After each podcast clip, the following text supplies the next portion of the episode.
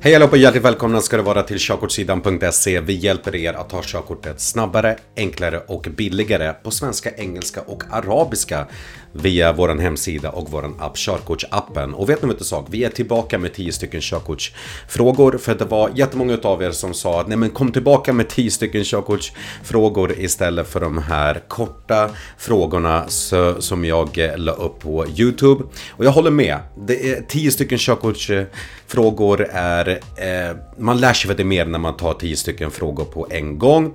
Så att vi återgår till det Eh, Eh, till videorna som jag vet redan fungerar. Så att idag så ska vi ta 10 stycken nya frågor och idag så kommer du bland annat lära dig när du ska besiktiga en gammal bil igen och så kommer du lära dig vilken temperatur katalysatorn eh, ska ha för att arbeta som bäst. Okej, okay? så häng med så kör vi igång med 10 stycken frågor på en gång. Och den, fråga, och den första frågan lyder Vad ska du göra i denna situation? Stanna så fort du kan. Köra om polisbilen och stanna snarast. Följ efter polisbilen och stanna bakom den när den stannar. Eller sakta in farten. Det är ju så här att pol polisens tecken, den går ju före precis allt annat. Trafikregler, vägmarkeringar, trafiksignaler. Så du måste verkligen lyssna på polisen. Och när du ser att polisen sträcker ut handen med, eh, med bara handen eller skylten i det här fallet så ska du följa efter polisbilen och stanna bakom den när den stannar. Du ska absolut inte ignorera för då kommer det bli en polisjakt. Okej? Okay?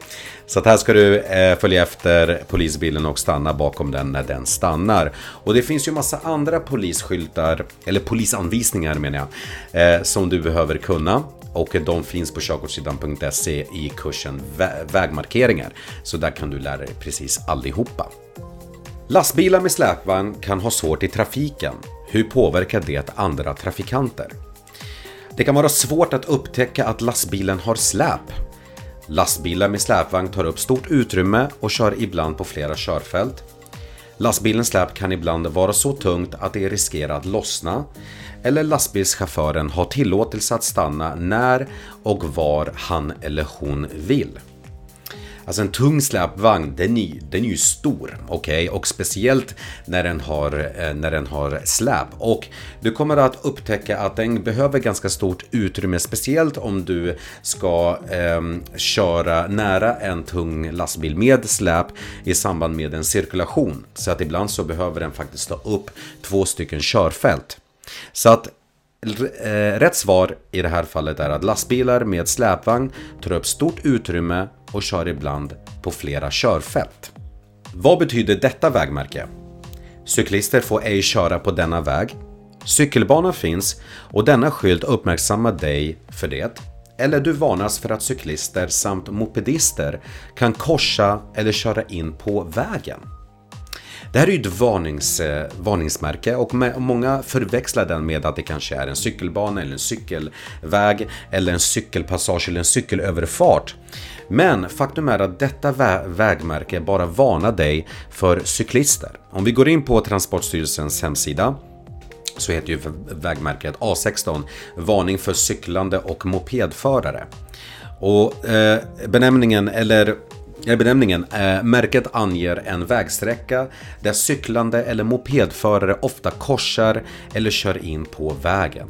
Så att när du ser detta vägmärke så uppmärksammas du eller varnas du för att här finns det väldigt många cyklister eller, eh, eller mopedister. Så det kanske betyder att du behöver vara lite mer handlingsberedd eh, på att det kan finnas många cyklister här. Okej? Okay? Så att eh, jo, rätt svar här då. Du varnas för att cyklister samt mopedister kan korsa eller köra in på vägen. Det är juni månad och du har precis kontrollbesiktigat din gamla Mercedes och inte fått någon anmärkning. När måste du senast kontrollbesiktiga bilen igen? Augusti eh, månad året efter, juni månad två år efter eller juni månad eh, året efter. Det är så här att när, eh, när du ska eh, kontrollbesiktiga bilen, det beror ju på när bilen togs i, eh, i bruk. Så att en helt ny bil, den ska kontrollbesiktigas eh, inom 36 månader efter att den har tagits i bruk. Därefter så ska den kontrollbesiktigas 24 månad, eh, inom 24 eh, månader. Och därefter så ska den alltid kontrollbesiktigas inom 14 månader.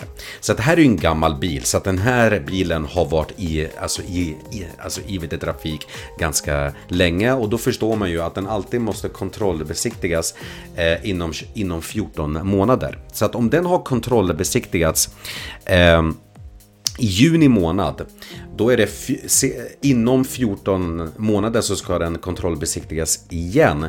Så, så det betyder ju att senast augusti månad året efter så måste den kontrollbesiktigas igen. Så att här är rätt svar, det första alternativet, augusti månad året efter. Okej? Okay? Hur snabbt får du köra om du kör en personbil med en tillkopplad bromsad lätt släpvagn? Är det 50, 60, 120 eller 80 km i timmen. Och här måste du vara väldigt uppmärksam för att, för att här vet det, står det med en tillkopplad bromsad lätt släpvagn. Om vi kollar här på eh, Transportstyrelsens hemsida så står det du får köra högst 40 km i timmen med obromsad släp, släp och Eh, släp eller husvagn eller högst 80 km i timmen med bromsad släp eller husvagn eller obromsad släp eller husvagn under vissa omständigheter. Vi ska inte gå in nu på eh, alla de här vissa omständigheterna, men det här var ju en fråga om hur snabbt får du köra med en tillkopplad bromsad lätt släpvagn och då är det ju max 80 km i timmen hade den varit inte bromsad så hade det varit max 40 km i timmen. De här frågorna de, de finns på körkortssidan.se och det här är kursen teoriprov. Eh, så att det här är som det, eh, ungefär det riktiga teoriprovet som du kommer att göra hos Trafikverket. Och sen kan du faktiskt göra som du ser här prov efter kategori. Så säg att du vill öva extra mycket på just miljöfrågor. Då kan du göra kursen här. Men den riktiga kraften den ligger i kursen steg för steg. Går igenom alla steg där så kan jag nästan garantera dig att du kommer att klara teori, teori, teoriveteprovet om du verkligen går igenom alla steg. Och där kommer du eh, du behöver inte oroa dig för vad du ska plugga idag utan gå bara igenom alla steg och när du är klar då kommer du att vara redo för teoriprovet. Eh, på, om du går in på körkortssidan.se eh, så rekommenderar jag dig att prenumerera på vårt nyhetsbrev och då kommer du få 10-stegsmetoden helt gratis med tips som jag lovar dig kommer att spara dig väldigt mycket tid och pengar och det är lite tips och hemligheter som vi bara som eller som vi trafikskolor använder för att du verkligen ska gå i mål med körkortet. Så jag rekommenderar dig att verkligen prenumerera på det här nyhetsbrevet helt gratis. Okej, vi går vidare. Vilket vägmärke förbjuder dig att köra om en traktor? Är det A, B, C eller D? Här måste vi förstå vägmärkena. Så att om vi börjar med A. Den förbjuder dig att köra med en traktor. Okej? Okay? Så att har du en traktor så får du inte köra här. Det är det vägmärke A säger. B. Den säger att här råder omkörningsförbud. Okej? Okay? Och omkörningsförbudet den eh, betyder att du inte får köra om motordrivna fordon eh, med fyra hjul. Nu gjorde jag åtta, fyra hjul. Eh, och eh, så att du får med andra ord köra om eh, MC. Okej, okay? men annars så får du inte köra om eh, motordrivna fordon med fyra hjul. Eh, vägmärke C, den, den säger att här är, råder det en rekommenderad maxhastighet på 50 km i timmen.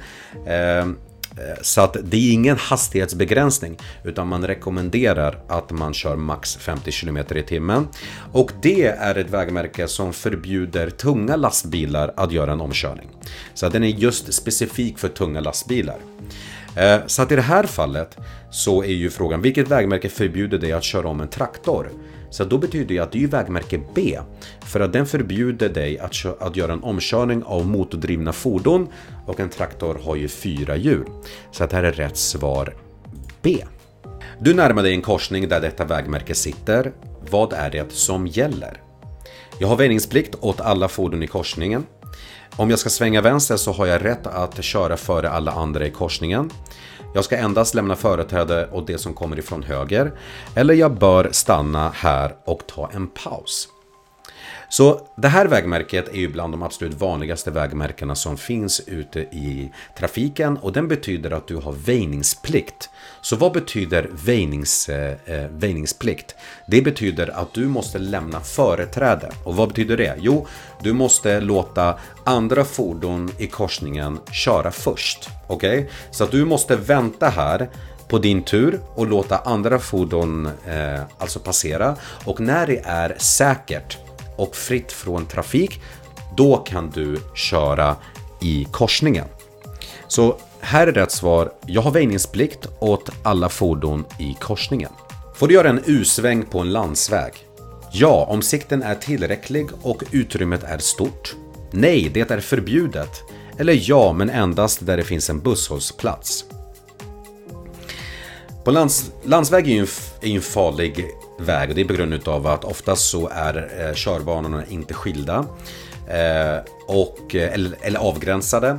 Det är oftast en, en ganska hög, hög, hög hastighet och man har mötande trafik och man kan ha eh, trafik bakom sig och eh, vill man göra en vänstersväng på landsväg eller högersväng så är det förenat med mycket fara. Och jag har en, en video vet du, faktiskt på Youtube som beskriver exakt hur man kör på landsväg. Så sök bara på landsvägskörning så kommer du att se den videon. Så att eh, det Ehm, du får faktiskt göra en omkörning så att här är faktiskt svaret ja om sikten är tillräcklig och utrymmet är stort. Men jag skulle absolut inte rekommendera det. Men, det, men, men lagen säger ingenting om att du inte får göra det. Men jag skulle absolut inte rekommendera det i alla fall. Vad är vattenplaning? När bromsarna slutar fungera i kontakt med vatten när bilen förlorar greppet om vägbanan och glider slash surfar på vattnet. Eller när bilen bromsas plötsligt i kontakt med mycket vatten. Vattenplaning är kanske den värsta halkan som man kan råka ut för. Mycket värre än när det är väldigt halt ute. För att bilen förlorar vet, kontrollen helt. Okej? Okay? Och eh, det händer när man kör i en högre hastighet och där man liksom svävar på, på vattnet. Alltså man förlorar kontrollen helt. Och eh, det betyder ju att rätt svar här är att eh, när bilen förlorar greppet om vägbanan och glider surfar på vattnet. Och risken för vattenplaning ökar ju stort om man har en hög hastighet. Men även om man har breda däck, för då blir det en större yta som man kan glida på vattnet med.